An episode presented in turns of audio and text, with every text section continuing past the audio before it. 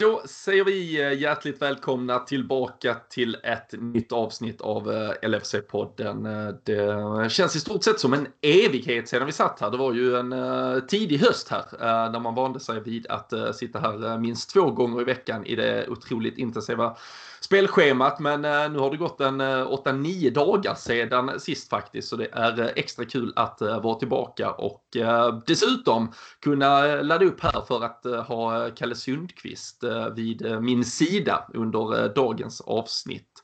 Vi gör i vanlig ordning det här tillsammans med LFC.se. Det är ju där ni hittar den svenska supporterklubben vecka in, vecka ut, eh, dag in, dag ut eh, hela tiden egentligen. Och eh, när det har varit en sån här snårig djungel egentligen att navigera sig i som det här landslagsuppehållet har varit med alla de skador och mycket andra nyheter som vi såklart ska prata om här, men som man har kunnat följa löpande på LFC.se. Så tycker jag verkligen att man ska berömma dem lite extra för ett otroligt bra arbete där borta. Och är ni inte redan medlemmar medlemmar i supporterklubben så bli för guds skull det. Eh, massa bra eh, grejer som eh, ni dels kan bidra till genom ert medlemskap för att förbättra supporterklubben men ni får också tillbaka i form av ja, men, tävlingar och mycket annat kul. Dessutom så har man ju lite rabatt borta på klubbshoppen Sam Dodd så de är ju såklart alltid med oss och är tillbaka med sin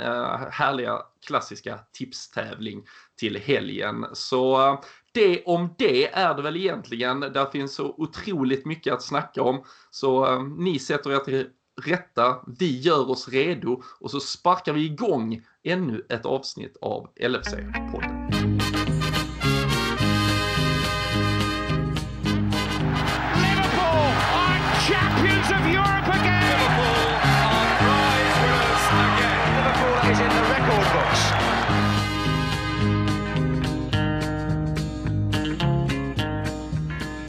Jajamensan! Nu är vi tillbaka igång och eh, ja, man ska väl försöka landa i någon form av eh, känsla kring eh, var man egentligen befinner sig så här i mitten av november. det är kallt, det är mörkt, men Premier League är snart tillbaka och åtminstone det är väl ett litet, litet ljus i mörkret, Kalle, även uppe i de norrländska skogarna.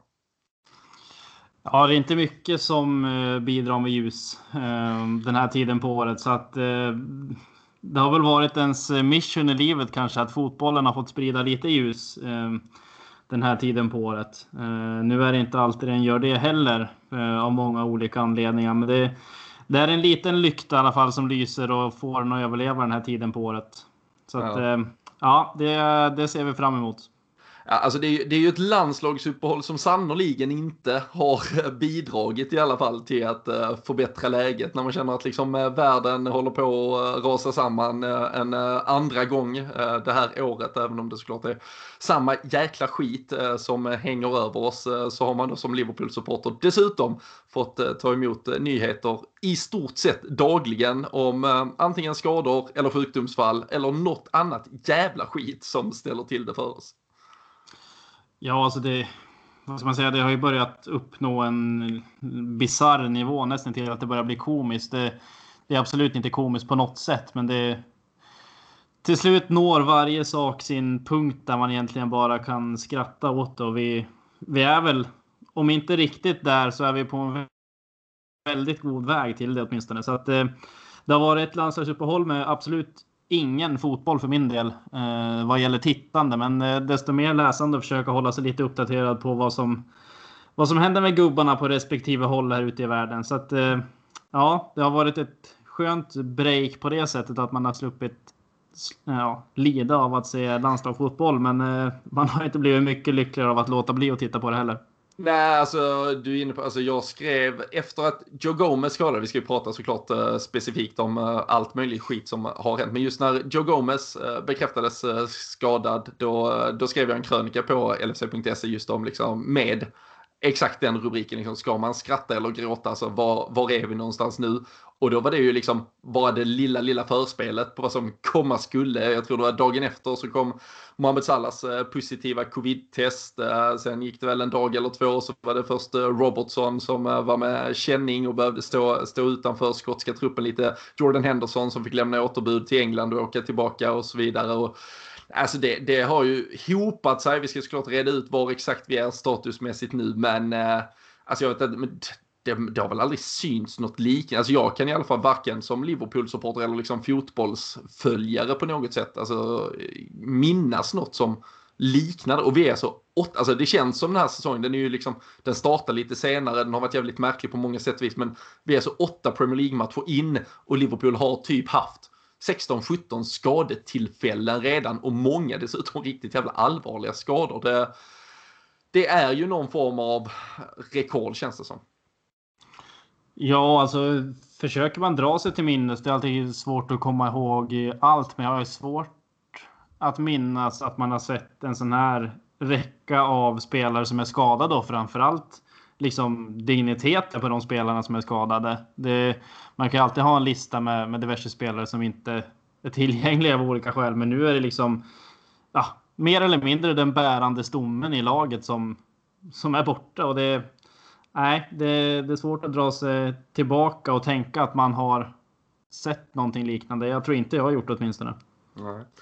Vi, eh, vi kan väl börja i eh, försvar, för det är ju såklart eh, otroligt tragiskt att konstatera att det med all sannolikhet ser ut som att Joe Gomez nu också följer i fotspåren av Virgil van Dijk och mycket möjligt missar hela den här eh, säsongen. Eh, det, det, är såklart obekräftade uppgifter på det. Vi vet att han opererades eh, direkt efter det kom ut. Det var ju på den engelska landslagsträningen och enligt Garrett Southgate i någon situation som egentligen inte liksom var någon situation så att säga. Och omfånget är väl egentligen inte helt bekräftat. Men eh, han har ju haft eh, problem för med, med, sina knän och eh, nu eh, visserligen det andra knät. Jag, jag, vet inte om det är bra eller dåligt till, till syvende och sist att ha två skadade knä eller om man hade tagit all skit på ett. Men det det lämnar Liverpool med är ju en situation där Jul Matip eh, som eh, jag tror det är på 14 månader har han inte startat två matcher, alltså back-to-back matcher en enda gång. Han eh, är nu kvar som det enda egentligen ordinarie seniora alternativet på den där mittbacksplatsen. Vi har sett Fabinho eh, vikariera såklart med den äran. Eh, däremot är han faktiskt inte tillbaka i träning än. Varken han eller Thiago har setts på bilderna från nya anläggningen i Kirkby där eh, laget har börjat träna nu. Men eh, där det också är en Nat Phillips och en Rhys Williams eh, bakom. Eh, mittbacksituationen är ju såklart prekär och eh, det är typ 10-12 matcher kvar också fram till eh, januari, även om det bara är en och en halv månad för det ska spelas matcher fanta mig två gånger i veckan här den närmsta tiden. Um, det är ju, ja, om, om det är någon form av rekord, eh, om vi bara tittar till, till hela truppen, så är det ju någon form av uh, nästan skrattretande jag vet inte om man ska, alltså eh, rekord typ där också, alltså när Klopp för en, också liksom för en gångs skull väljer att starta säsongen med tre renodlade mittbackar och så är de två egentligen ordinarie och tilltänkta borta säsongen ut redan. Ja, det är alltså. Det är alltid ett gamblande med alltså, hur många spelare ska man ha i truppen på respektive position och, och så. Det är klart att det kanske inte är optimalt att gå in med tre ordinarie mittbackar i en säsong och framförallt kanske inte nu heller där det Alltså, det här har ju varit ett speciellt år på väldigt många sätt. Men säsongen hade ett break under våren. Många spelare var isolerade. Mm, liksom följde individuella träningsprogram så.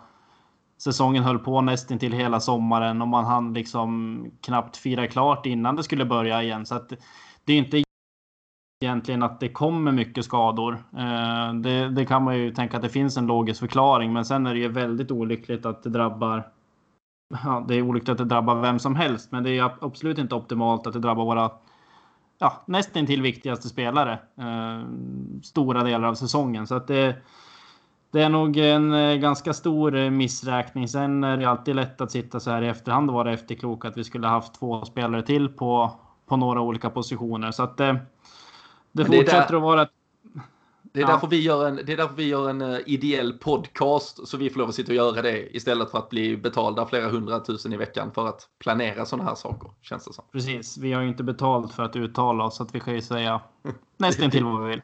Ja, och inte, inte för att planera heller och säkerställa att allting eh, går bra utan vi, ska, vi kan bara sitta här och kritisera i efterhand. Men jag är väl egentligen, alltså jag tycker egentligen inte att det var, det var något jättestort fel av Klopp att, eh, och staben egentligen att gå in i säsongen med, med det som fanns där. Um, nu kanske till och med Nat Phillips har varit en positiv överraskning i slutändan. Han tror jag kanske skulle ha lämnat egentligen, men jag tror väl att Klopp såg liksom Joe Gomez och van Dijk till att starta 90 procent av matcherna i stort sett. Matip skulle vara ett fullgott alternativ till att vikariera när det behövdes.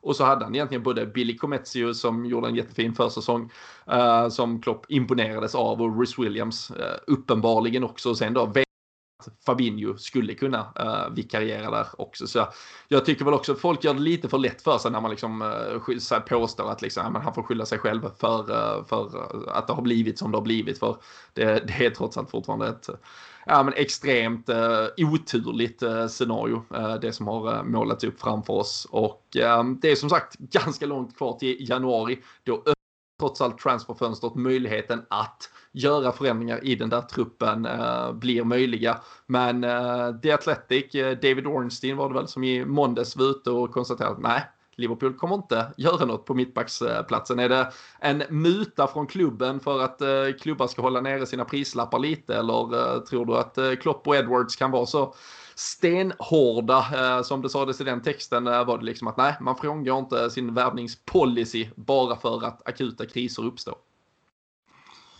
Ja, alltså jag, jag tror att det kan vara en liten eh, mix av det egentligen. Men är det någonting man har sett ganska konsekvent från att Klopp kom in egentligen, att det har ju varit väldigt mycket liksom förnekelse på transferfronten, både in och ut egentligen.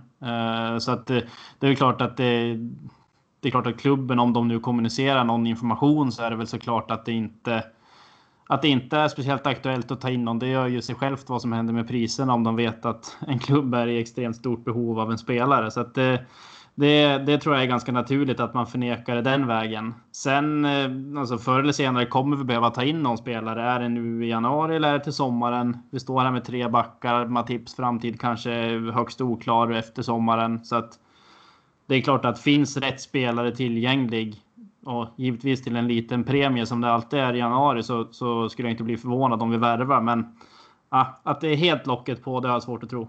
Mm. Ja, det, var ju, det var ju magstarkt i alla fall när det kommer rykten här från spansk press att Barcelona eventuellt tittar på Joel Matip som ett alternativ i januarifönstret i alla fall. Om vi skulle sälja en mittback. Det hade varit snyggt. Ja, det... det ja, det, de har inte, alltså, känns inte som att det var en tidning som hade full koll på eh, skadesituationen i Liverpool i alla fall, när de uttalar sig kring det. Nej, det, de greppar väl efter halmstrån eh, på det de kan. Eh, men just den tar man väl inte på allt för stort allvar kanske. Nej.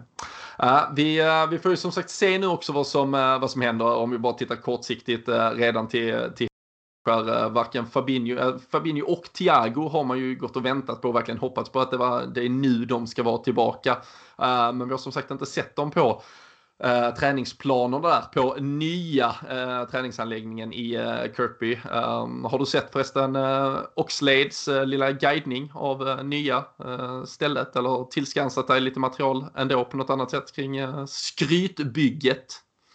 Ja, nej, jag såg faktiskt den videon igår. Mm. Det kändes väl som ett ganska givet alternativ av guide från klubbens sida. Han är, ja. precis. Han är ganska... Ja, han går ju genom rutan på det sättet. Så att, eh, nej, men det har jag kikat på. Eh, det ser ju... Det ser ju jäkligt lyxigt ut. Konstigt vore ju annars om de kostar på sig att bygga en, en helt ny anläggning och skrota någonting som har varit kanske ja, jag ska inte säga lika ikoniskt som Anfield, men eh, nästintill. Så att mm. eh, nej, det, det ser ju lovande ut och sen eh, såklart tanken med det är ju också väldigt bra att försöka samla det mesta av det som är i direkt anslutning till både den seniora delen av akademin och eh, A-laget. Så att det, jag tror att det kommer bli jävligt bra på sikt. Ja, man ser ju framför sig hur eh, Allison kanske tar med lilla lilla minigrillen där bredvid volleybollplanen, beachvolleyplanen i alla fall framåt, eh, framåt vårkanten. Börja ladda upp ordentligt. Eh, faciliteterna finns där för att de ska trivas i alla fall är eh, väl lite rekommendationer att kika på det. Det var väl eh, Liverpool från det officiella Twitterkontot bland annat som drog ut den igår tisdag tror jag i alla fall. Oxley, det var 5-6 minuter tror jag till och med. Så det var en bra inblick faktiskt. Och schysst och öppet att visa upp det, även om det såklart är mycket för att bara skryta också. Men det vi, eller jag var på väg till där i alla fall innan vi fastnade på just träningshandlingen var ju att Fabinho och Thiago däremot inte har synts till i eh, träning här och det är ju många som ändå hoppas såklart på att de ska vara alternativ här eh, till söndagsmatchen mot Leicester med tanke på den skadesituation som eh, råder i övrigt. Men eh, hur, hur tycker du och tror du och vad, liksom, om vi går in lite i Klopps kring just det där mittförsvaret nu här. Matip, om vi då ändå hoppas och tror att han har liksom hållits eh, värderad och eh, paketerad och är friskförklarad när det väl är dags för match så vet vi att han är honom. Men uh, tror du det är Fabinho ner som är något första alternativ eller är det att få in Nat Phillips eller rent av Rhys Williams. Han lämnar ju U21-samlingen men det verkar bara varit försiktighetsåtgärd, verkar vara i, i bra skick och kan nog vara redo när det väl skulle behövas. Um, och liksom den här balansen att få in stärka backlinjen så mycket som möjligt eller att få in Fabinho då som en sköld framför på ett defensivt mittfält istället. Hur, hur tror du Klopp tänker kring eh, det som oavsett vad blir någon form av eh, klipp och klistra lösning här de närmsta veckorna åtminstone? Alltså eh, borträknat från skadesituationen så är ju i min det ganska givna alternativet Fabinho. Uh, att han inte har tränat nu, det, jag tror inte att man ska ta det på allt för stort allvar. Uh, det har väl öppnats för att han, att han bör kunna vara redo på söndag och då förstår jag kanske att man inte går in i stenhård träning så här. Jag ska inte säga så pass tidigt, men det är ändå ett par dagar kvar mm. till matchen. Så att det är ju, idealt är ju att han startar. Uh, och sen, Nat Phillips gjorde det jäkligt bra när han spelade givetvis, men det jag tror att både han och Rhys Williams är liksom, jag ska inte säga nödlösningar, men eh, Fabinho och Matip är ju det, det givna alternativet uh, för min del. Um, mm. Rhys Williams, jag vet inte, det var som du säger, han kom tillbaka med en minor stiff hip, men det har man ju haft de senaste tio åren. Så att, uh, Sen har man heller inte spelat någon Premier League-match. Nej, det, det, jag vet inte om det finns något samband med höften och eh, den uteblivna debuten. Men nej, Fabinho känns, eh, känns given för min del. Jag vet inte om du har no några andra åsikter kring Nej, men jag, nej, men jag, jag köper väl det absolut. Sen, sen är det ju däremot så, så mycket bränder som äh, ska släckas nu. Vi har ju en Trent Alexander-Arnold som äh, lär saknas också. Då är det ju frågan om Neco Williams eller äh, rent av en James Milner eller en Fabinho som faktiskt har spelat högerback i, i stora delar av sin karriär skulle vara en äh, lösning där istället och det då skulle framtvinga någon, någon annan lösning också då vilka som finns tillgängliga för mittfältet beroende på blir Thiago klar? Kommer Jordan Henderson vara klar? Annars börjar det bli nästan tunt med framförallt kanske balansspelare för att hålla Eh, den defensiva stabiliteten på mittfältet och i så fall att Fabinho krävs där. Men jag tänker vi kan återkomma för det är ju liksom, det lär ju vara att man behöver klippa och klistra i de här laguppställningarna i stort sett för varje match. Så vi kan ju försöka rikta in oss på eh, just eh, Leicester-matchen lite längre fram när vi, när vi biter tänderna i den. För det har varit mycket skador fram och tillbaka. Som sagt, vi kan ju konstatera att Andy Robertson som var lite osäkerhets Eh, moment där han startar ju i detta nu i stort sett som vi sitter här onsdag kväll för Skottland igen så han är väl förhoppningsvis tillbaka. Sen ska han ju överleva de här eh, 90 minuterna och kanske någon minut till också eh, först. Men eh, annars så är det väl ett litet, litet glädjeämne men det riktigt, riktigt stora frågetecknet och eh, som såklart är eh, otroligt negativt för laget, det är ju situationen också kring Mohamed Salah. Testade positivt för eh, corona i eh, Egypten, iväg på landslagssamling många som nog såg bilderna från eh, hans brors bröllopsfest som spreds. Han eh, fick väl tillstånd då eh, får man ju utgå från i alla fall att åka och besöka den dagen innan han anslöt till landslaget. Sen är det väl en fråga om hönan eller ägget. Eh, men när han sen kommer till Egyptens landslagssamling kort därefter testar han positivt. Sen har ju fler spelare i det egyptiska laget testat positivt. Då är det ju frågan om det är Salah egentligen som kanske har varit den första som har dragit in det i laget eller om det har kommit från annat håll och så vidare. Där kan alla får spekulera fritt i sig. Eh, den enda, det enda man kan diskutera väl egentligen det är ju om klubben faktiskt gav tillåtelse och hade full förståelse för eh, hur osocialt distanserat eller socialt odistanserat kanske man ska säga det där bröllopet var ehm, eh, i dessa tider. Men eh, även idag onsdag har han testat positivt. Karantänsreglerna är snåriga att förstå, men det verkar ju som att han från att han har ett negativt test också måste ha varit i karantän minst 10 dagar från sitt senaste positiva test. Eh, det är de engelska reglerna. Sen kan han ha suttit av lite av tiden i Egypten. Han kan flygas hem om han kanske är privat flyger och sitter några dagar. Oavsett vad, det ser ut som att han missar minst här säkerligen. Han missar ju till helgen, han missar Atalanta i veckan, han lär missa Brighton nästa helg och kanske dessutom någon match där till. Eh, dels bara situationen, Kalle, och också avsaknaden av Salah och att vi måste ja, först, ja, helt enkelt hitta ett sätt att klara oss utan honom ett par veckor nu. Ja, det är ju inte, det är absolut inte någon optimal situation. Eh, Eh, Eh, sen alltså, precis som du nämner, var han har blivit smittad, hur han har blivit smittad, det, det förtäljer ju liksom inte historien. Han är smittad och that's it. Uh, sen så kan man kanske ställa sig lite frågande till om man verkligen hade tillåtelse att besöka den här festen och om det var, det såg ut att vara en del, ja, vad ska man säga, runt 11 snåret på Popworld innan... Uh, innan, innan man blir utslängd.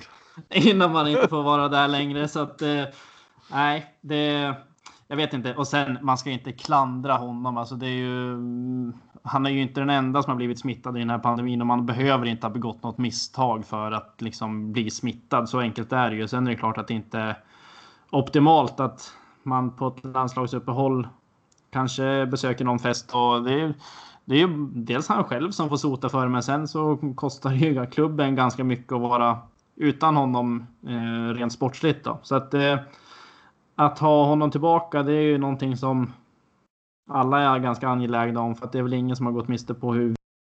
Så att det, det är väl ytterligare ett hack i skivan i, i skadehelvetet som, som pågår. Mm.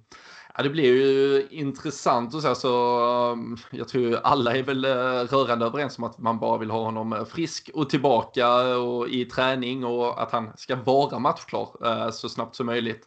Det är väl egentligen kanske först då också man skulle kunna få någon indikation på hur eh, nöjd eh, Klopp och ledningen skulle, skulle vara med då hans hanterande ifall det liksom kommer någon ytterligare påföljd. Jag tror inte att Liverpool liksom eh, slänger alltså massa ved på brasan redan nu här och liksom menar att uh, skulle liksom börja skälla ut honom, med, gå ut i pressen liksom medan han sitter kvar på något hotellrum eh, i uh, Kairo och, uh, och väntar. Uh, men det är ju klart att en diskussion kommer att föras kring hur, um, säkerligen, alltså Klopp har ju varit otroligt tydlig med att prata om liksom den här säkerhetsbubblan som han vet att han eller han, eh, säger jag inom citationstecken, och klubben då ansvarar för så länge de är med Liverpool. Men han känner ju liksom, det har han varit väldigt tydlig med, att han känner ju en oro direkt man släpper iväg dem. Och, eh, och nu, nu händer ju detta. Och eh, vi såg det för, vi såg det vid förra uppehållet, då var det eh, Naby Keita till exempel med Guinea som, eh, som också testade positivt. Och det, nej, det är klart att förutsättningarna blir annorlunda och eh, det, du mixar folk från eh,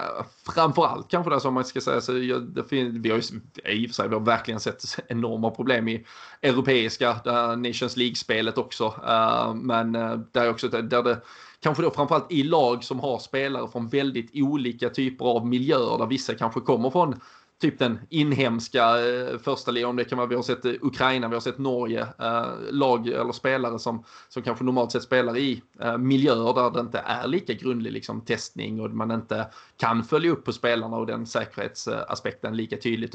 Det finns väl absolut fog för att tro att till exempel som eh, Keitas fall i Guinea och i Salas fall här i Egypten att det är lite samma syndrom som, som leder fram till detta. Men Sen, men det sagt också som du var inne på, alltså det, det verkar ju inte finnas någon som har något uh, fullständigt uh, skydd eller exakt uh, beteende för att säkerställa att man inte smittas. Liverpool har ju själv varit ute med till och med att man hade ju ett tiotal fall faktiskt på, på ungdomssidan vad gällde också um, som, som hade tränat tillsammans. Och även där är de ju väldigt noggranna såklart, men eh, det, det, är ju tyvärr inte bara vi som eh, styr vart det där eh, ja, viruset ska ta vägen, utan det, det lever ju tyvärr lite sin, sin egen värld också. Men att vi får klara oss utan Mohamed Salah ett tag, det, det kan vi konstatera. och den då heta frågan för några veckor sedan om det är Firmino eller Jota på topp, den får väl svaret att det är båda tillsammans med Sadio Mané ett tag framöver i alla fall. Ja, eh, det känns eh, ganska givet. Det är skönt att slippa ha den diskussionen för vi har ju mycket annat att, att prata om. Så att eh, då behöver inte det ta upp onödig poddtid eller vad man ska säga. Så att den från trion känns väl ganska, ganska given i dagens läge. Så att ja, det är klart att det är olyckligt att Salah är borta, men det är vad det är. Och mm. vi lever i speciella tider så att vi det är inget brödgäng vi, vi mönstrar framåt ändå. Så att förhoppningsvis ska det gå bra trots skador och sjukdomar.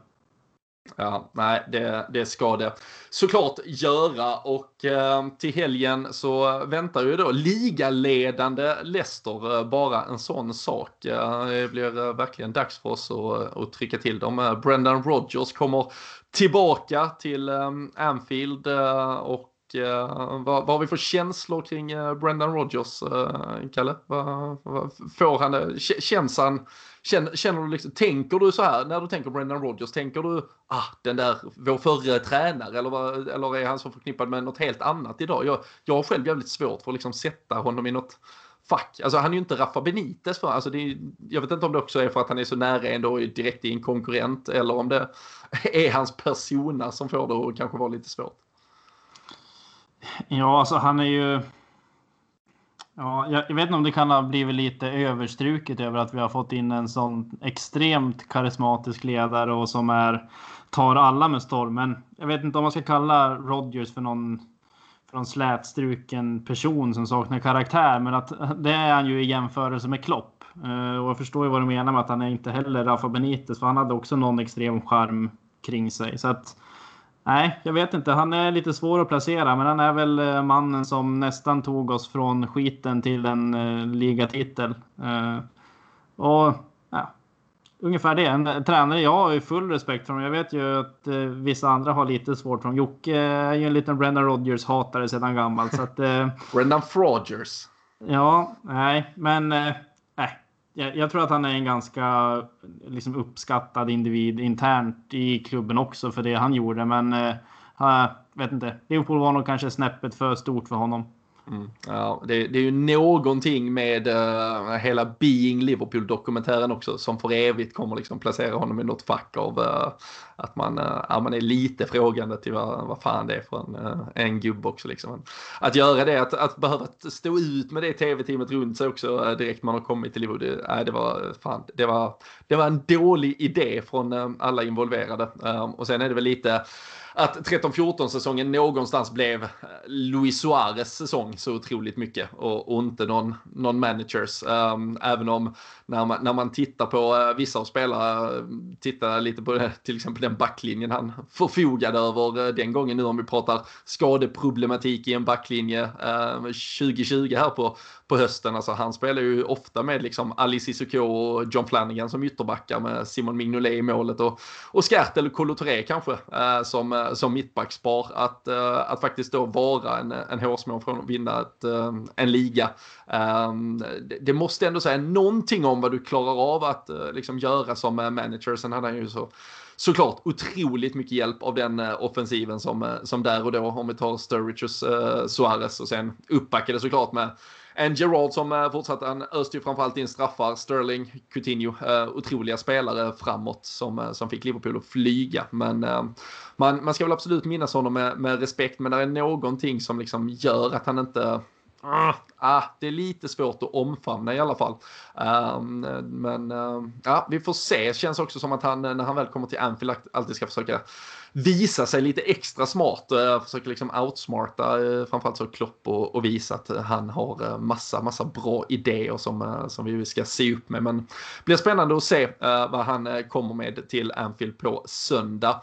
Vi, vi gjorde faktiskt som så i alla fall för att få en liten, ett litet uppsnack inför den här eh, stora matchen som eh, det trots allt är på söndag kväll att vi eh, ringde upp Pontus Kåmark, idag expert på Viasat, men eh, har ju ett eh, väldigt, väldigt fint förflutet som spelare och eh, var ju faktiskt ett par år i Leicester och vi pratade lite om läget i, i Leicester generellt, lite tron på den här säsongen, på framtiden, hans syn och Leicester-folkets syn på Brendan Rodgers bland annat. Och ni får eh, lyssna på det först och främst och så tar vi tag i matchuppsnacket sen efter det samtalet. Leicester som även förra hösten eh, nämndes där uppe bland kandidaterna, hängde på Manchester City och Liverpool den gången. Sen tog väl bränslet slut kring jul. Vad gör Leicester anno hösten 2020 till ett ännu starkare lag om eh, de nu är det? Ja, det är väl den stora frågan om de, om de är det. Eh, det som skulle kunna tala för det, det är att man har breddat truppen lite grann tycker jag. När man till och med har råd att ha Madison på bänken. Eh, så, så, så, det har kommit in lite eh, nya förvärv också, både i backlinjen på mittfältet, så man har breddat det. Eh, det är väl det som talar för det. Det som talar mot det, det är ju egentligen också att det fortfarande är en ganska tunn trupp om man tittar med de stora drakarna. Och du var inne på namnet Vardy. Det känns ju det finns inget bra alternativ. Vi är, vi är väldigt sårbara, jag säger vi, men Leicester är väldigt sårbara eh, och har ju haft problem när inte han har spelat. Det var också då dippen kom. Även i, i, i, kupp, i kuppen, ligacupen hade man problem lite grann när inte han var med och så vidare. Så att där, där har man en brist. Men jag tycker ändå att man har lyckats omvandla vissa yngre spelare som har kommit in och fått ordning på backlinjen. Men det är också att Brendan Rodgers har ju ändrat om lite och körde ju där med fembackslinje ett tag. Fick bra utdelning borta mot City. Har ju använt det som ett litet, ett litet S i rockärmen här, att ändra om lite grann. Kanske också på bekostnad utav positionen där Madison spelar. Men det gör att de har blivit kanske ännu mer ett omställningslag och fått lite ordning på, på defensiven då som annars hade kanske varit problem i en fyrbackslinje med lite skador och så vidare. Mm.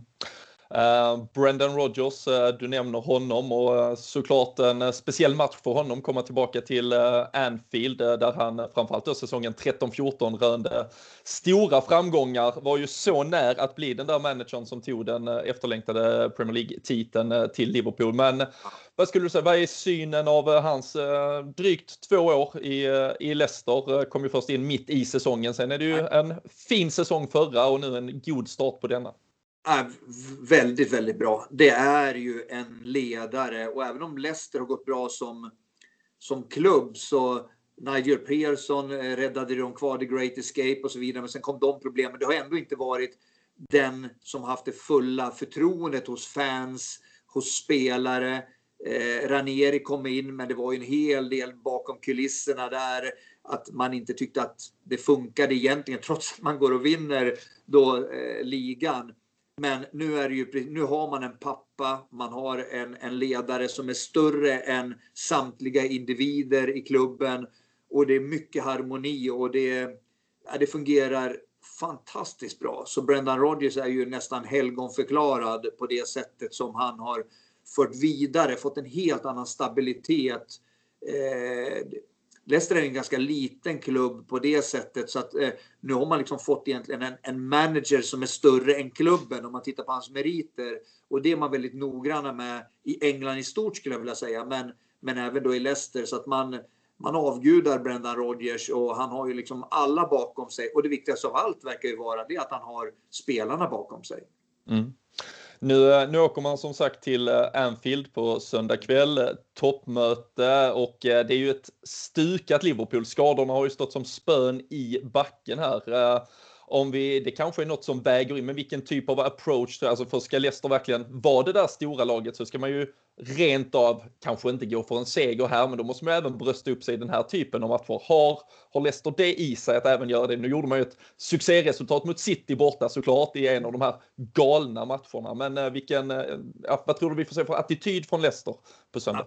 Jag, jag, jag, tror att man ändå inte går i den fällan, för Leicester är en liten klubb i jämförelse med de största i England och framförallt Liverpool och så. så att, eh, men det är klart att man ska ha en, en attityd av att man kan slå, men det ska man göra på sin egen smartness. Och det är lite som City-matchen, som Arsenal-matchen. Det blir ett försvarsarbete framförallt. Man har inte, man har egentligen inte samma styrka som Liverpool, särskilt inte deras topp tre där framme på det sättet. Och däremot så tycker jag att det har jämnat ut sig, att Leicester kan åka dit och inte på förhand var rädda. Oj, nu ska vi försöka klara att vi inte förlorar med 5-0. Där tror jag självförtroendet och de senaste åren har gett ett självförtroende att de vet att de kan åka till de här arenorna och få med sig ett resultat. Så det tror jag är en skillnad mentalt. Och sen tycker jag att tittar man på de spelarna med Madison, Thielemans, Vardy.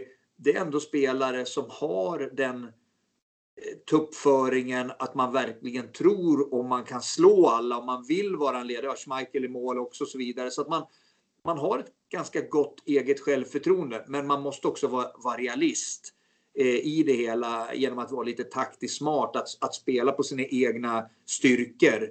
Eh, Liverpool har fler, har ett genuinare lag med styrkor, ett bättre lag tycker jag Även om man saknar några spelare. Men, mm. men definitivt så ökar det möjligheten att störa. Så enkelt mm. är det. Uh, Jamie Vardy har ju tackat nej till landslagsspel så han har ju kunnat eh, uh, vara en av få spelare som kunnat bara sitta och uh, gnugga händer och se att uh, andra spelare har trillat bort en efter en efter en. Van Dijk visste vi ju var borta, Joe Gomez är nu också borta i det där livet. Hur mycket tror du han sitter och gnuggar händer över ett eventuellt väldigt skadeskjutet försvar i Liverpool? Ah, jag tror inte man sitter och gnuggar händerna kanske, men, men det är klart att att van Dijk är borta redan från början, det är klart att det ökar självförtroendet. Man har ju en respekt. Sen är det så att du kan ju få in eh, ersättare som gör en väldigt, väldigt bra match.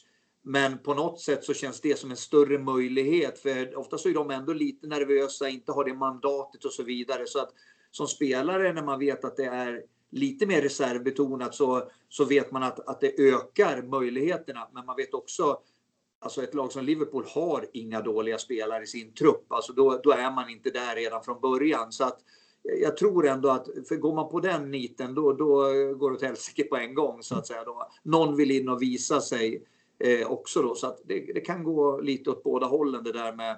Men det är klart, van Dijk ser jag ingen som kan ersätta. Så det är klart att det är en försvagning eh, av, av framförallt mittförsvaret då. Mm. Uh, vi som eh, Liverpool-supportrar och framförallt om man inte har sett eh, Leicester tillräckligt mycket, var, var ska vi ställa vårt uh, hopp? Vad är det för delar i Leicesters försvar vi kan försöka utnyttja? Har det varit några svagheter på den här annars starka hösten? Ja, men det har det. Bakom, om det nu, jag skulle tro att det blir en fembackslinje eftersom, eftersom Leicester har lyckats med det mot de riktigt starka lagen. Eh, och då är det ju bakom ytterbackarna, de här wingbacksen. Där på vänsterkanten senast försökte man ju ändra om en, en hel del. Eh, eh, särskilt när Traoré kom in där så, eh, mot Wolves då, så, så, så hade man problem. Eh, man har ju unge Thomas som har gjort det bra. Men eh, nej, det, det, det, finns lite brister och det är kanske därför också man spelar med fem.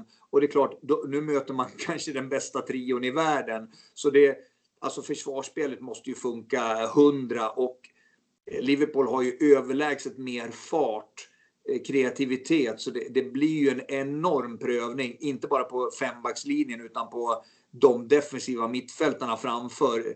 Eh, mot Arsenal hade man väl nästan lite tur att man klarade sig undan första halvlek.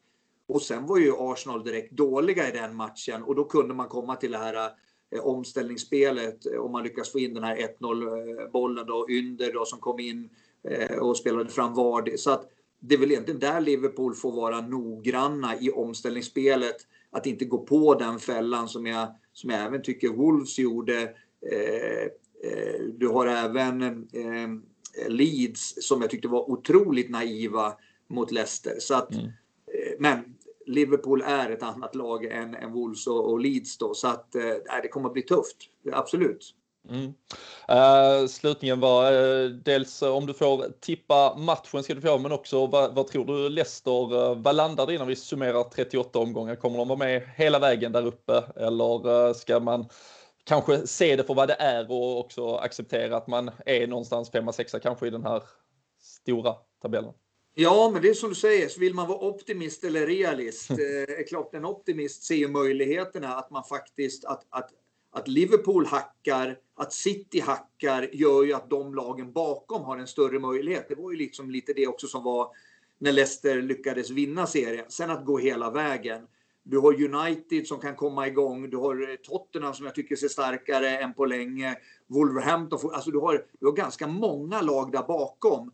Eh, jag ser väl, om jag är realist, den där fjärdeplatsen tycker jag vore fantastiskt bra utav Leicester Eh, att kunna knipa en Champions League-plats. Eh, det, det, var ju sista matchen i fjol mot Manchester United hemma när man tappade den. Eh, så där tycker jag, och det tycker jag är en hög realistisk, att, att ett litet lag, en liten klubb i jämförelse, Leicester ändå kan vara med där uppe mot de absolut största. Det är egentligen en jätte, jättebra. Men nu har man ett bra lag just nu.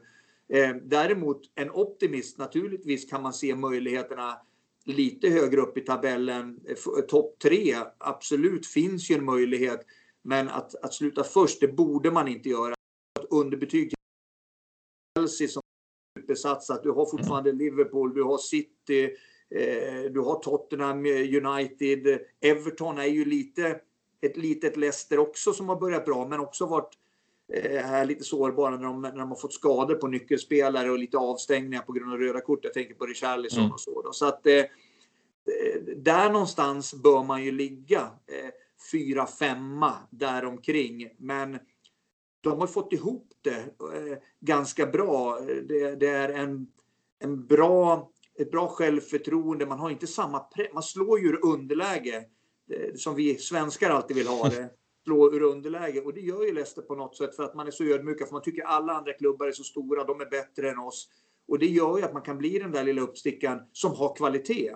Mm. Mittfältet tycker jag har blivit mycket bättre nu när man har Madison, Thielemans, eh, eh, ja med flera där, eh, vilka är mer? Men, men det, och då saknar vi ändå en Didi på, som jag tycker eh, var kanske den Förra bästa. säsongens kanske bästa. Absolut. Ja. Så att så att det finns en, en, en bredd och, och Leicester är bra på riktigt. Men egentligen inte Champions League vinnar bra som, som de, egentligen de bästa engelska lagen ska ju vara så bra. Det är nog. Europa League som eh, Europa League bra bör vara rätt nivå för Leicester om man ska vara lite krass. Ja, ja men det är bra. Jag ska släppa iväg, men du får eh, även tippa mm. söndagens eh, resultat då. Eh, Liverpool-Leicester. Hur tror vi det går på Anfield?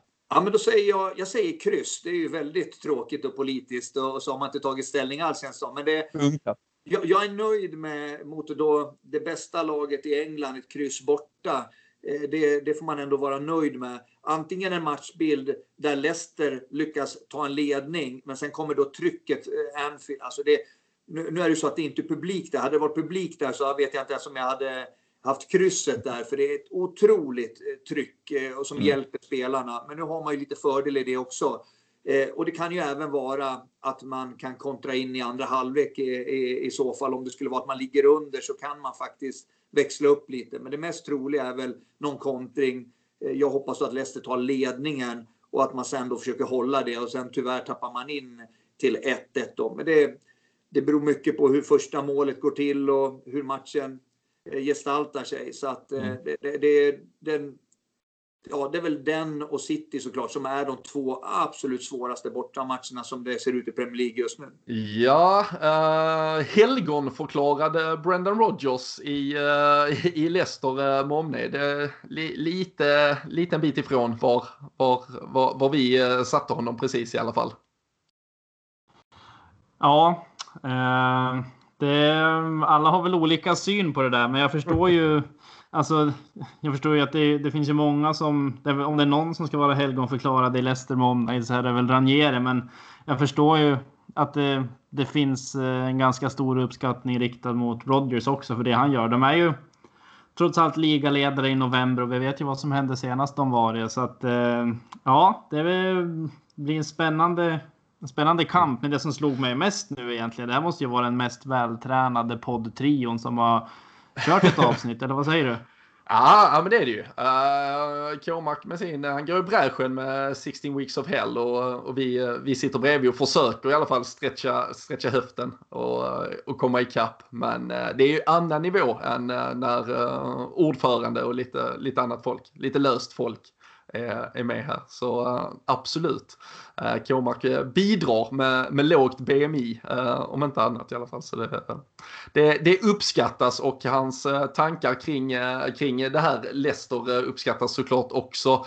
han, han är väl försiktig här, men samtidigt så han är ju inne på det liksom. De är ju inte en, en storklubb i, i det omfånget än, men har såklart ja, men ser väl lite internt kan jag tänka mig att man pratar om liksom sin chans. Eh, den här säsongen är annorlunda. Det kommer vara eh, många som eh, lider av skador som Liverpool gör nu. Många som kommer belastas hårt när det blir vidare kuppspel och allt annat längre fram. Nu har ju visserligen Leicester också ett Europa League-spel som vi väl framåt här sen får se hur mycket de prioriterar. Men eh, vad, vad, tror du vi får se för matcher? Alltså, Pontus är ju ändå inne på att eh, Leicester nu kommer vara ganska försiktig. Lite, nästan lite oavsett vilket lag Liverpool får ut till slut så är det ändå Liverpool hemma på Anfield. Eh, tror du också att det är vi som går ut och tar taktpinnen?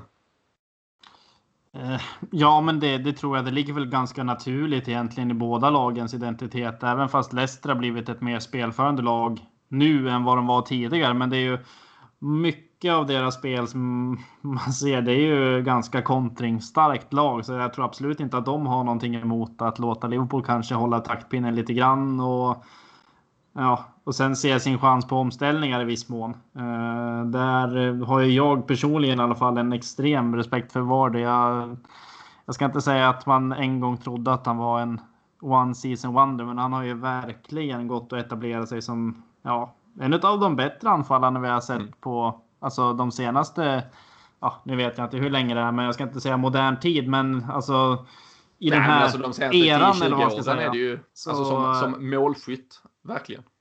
Verkligen, och britt dessutom. Så att det, nej, extrem respekt för honom. Det, det är väl det jag har mest respekt för med Leicester egentligen om jag ska vara riktigt ärlig. Ja, det är ju faktiskt eh, otroliga bilder från eh, den. Eh, den är väl så pass berömd som man bara kan referera till. Alltså den här kval, kvalmatchen upp till Championship-kvalet mellan Watford och Leicester. där det är ju Leicester det är väl Anthony Knockhard som eh, missar en straff. Eh, Watford kontrar, eh, Troy Deeney gör mål och, och de går vidare istället. Men i det Leicester-laget som då förlorar den kvalmatchen där, då, då sitter Jamie Vardy och Harry Kane faktiskt på bänken i det Leicester-laget.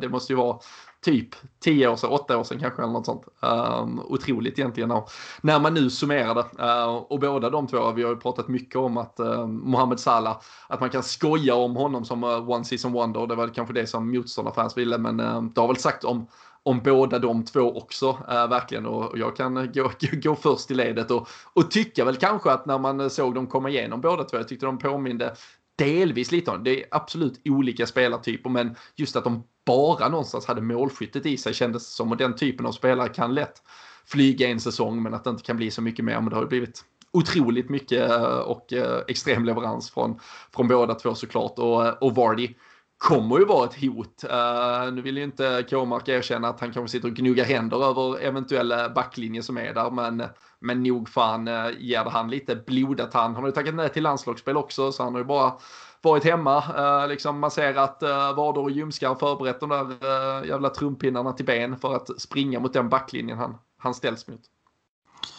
Ja, det, alltså det, och sen ska man säga någonting som om man nu ska se någon form av farhåga eller som var det kanske kan sitta hemma och, och läska sig lite grann på så är det väl alltså Liverpools systematiskt höga backlinje kanske den senaste tiden. Eh, och får han möjlighet att springa bakom både Fabinho och Matip där som kanske inte har samma variant av trumpinnar eh, från midjan och neråt så tror jag nog att det, det kan nog vara en liten, eh, ja, ett litet hot som kanske man får slita sitt hår lite grann över. Mm. Ja, nej, men det är ju ett eh, kontringstarkt eh, lag, eh, verkligen. Eh, och eh, Jamie Vardy är ett otroligt hot. Sen, sen får vi ju faktiskt se, det är ju faktiskt ett Leicester-lag också eh, som faktiskt sliter med en del skador. Nu får vi ju avvakta och se eh, exakt vilka som eh, blir eh, spelklara till syvende och sist.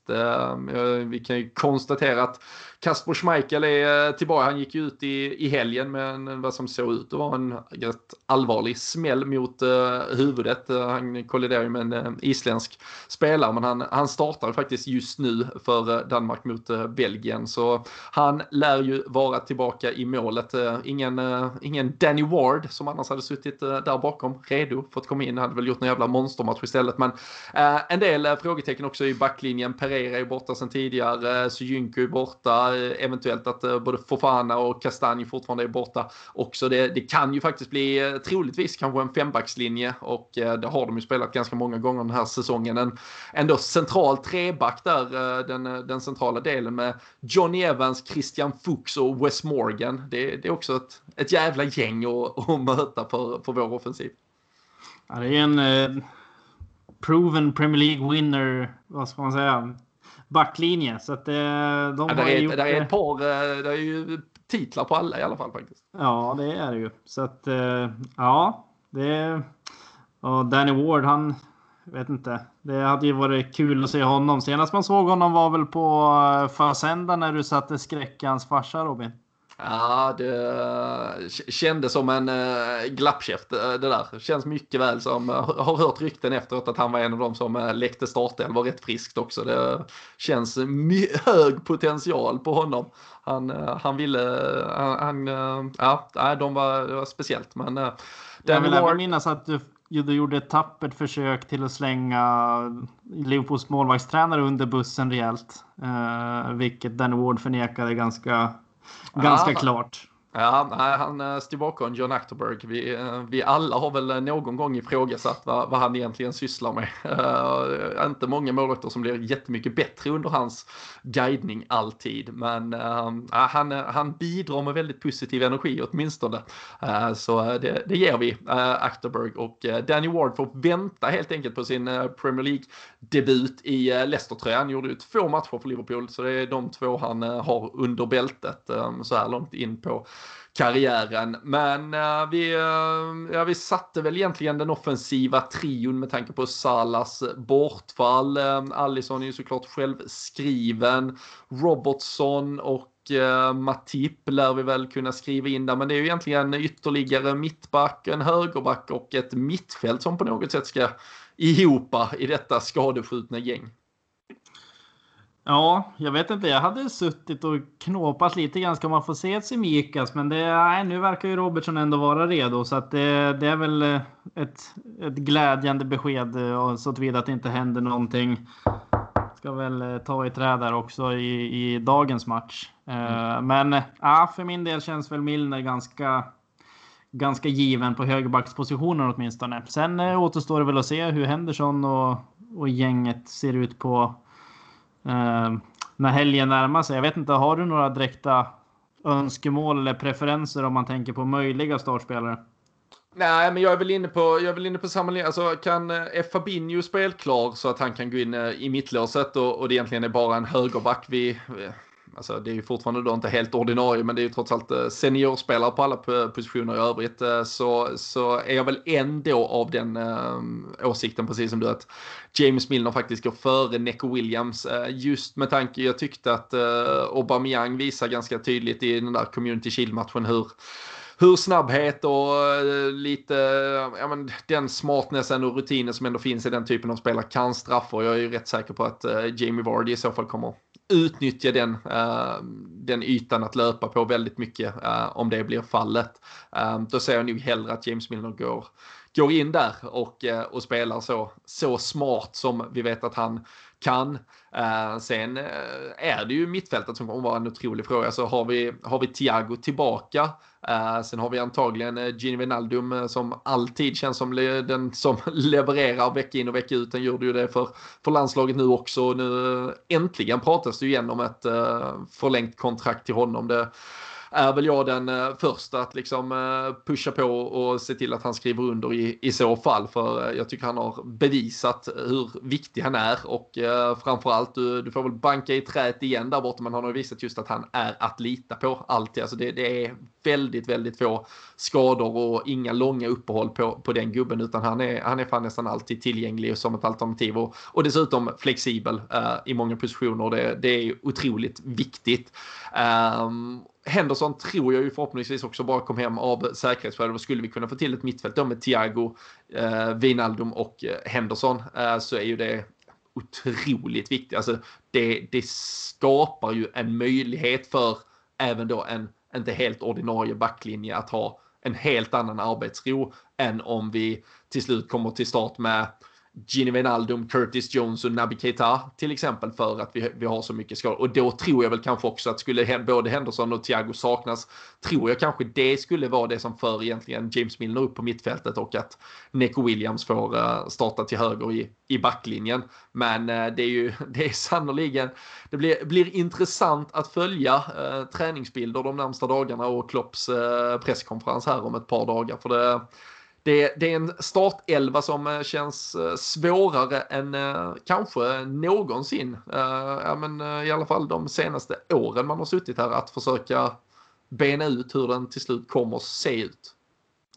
Ja, alltså det, det, precis som du nämnde, det bör ju läggas pussel på, på många olika positioner egentligen och mycket står väl egentligen och faller på Alltså rent krast egentligen. Kan, kan Fabinho spela? Kan Henderson spela? Eh, kan de två spela? Då tycker jag att det känns ganska givet egentligen som du nämner att Milner spelar högerback. Henderson och Gini kommer spela eh, på mittfältet. Sen återstår det ju att se om, eh, om Thiago är frisk eller inte. Men skulle man hamna i ett läge där man får spela med Henderson, Wijnaldum och Keita så är ju det liksom det är ju ett jävligt slagkraftigt mittfält i sig, ja. även fast det kan bli mycket, lite grann av detsamma. Men med läget liksom och allt annat lika så, så är det ju jävligt bra.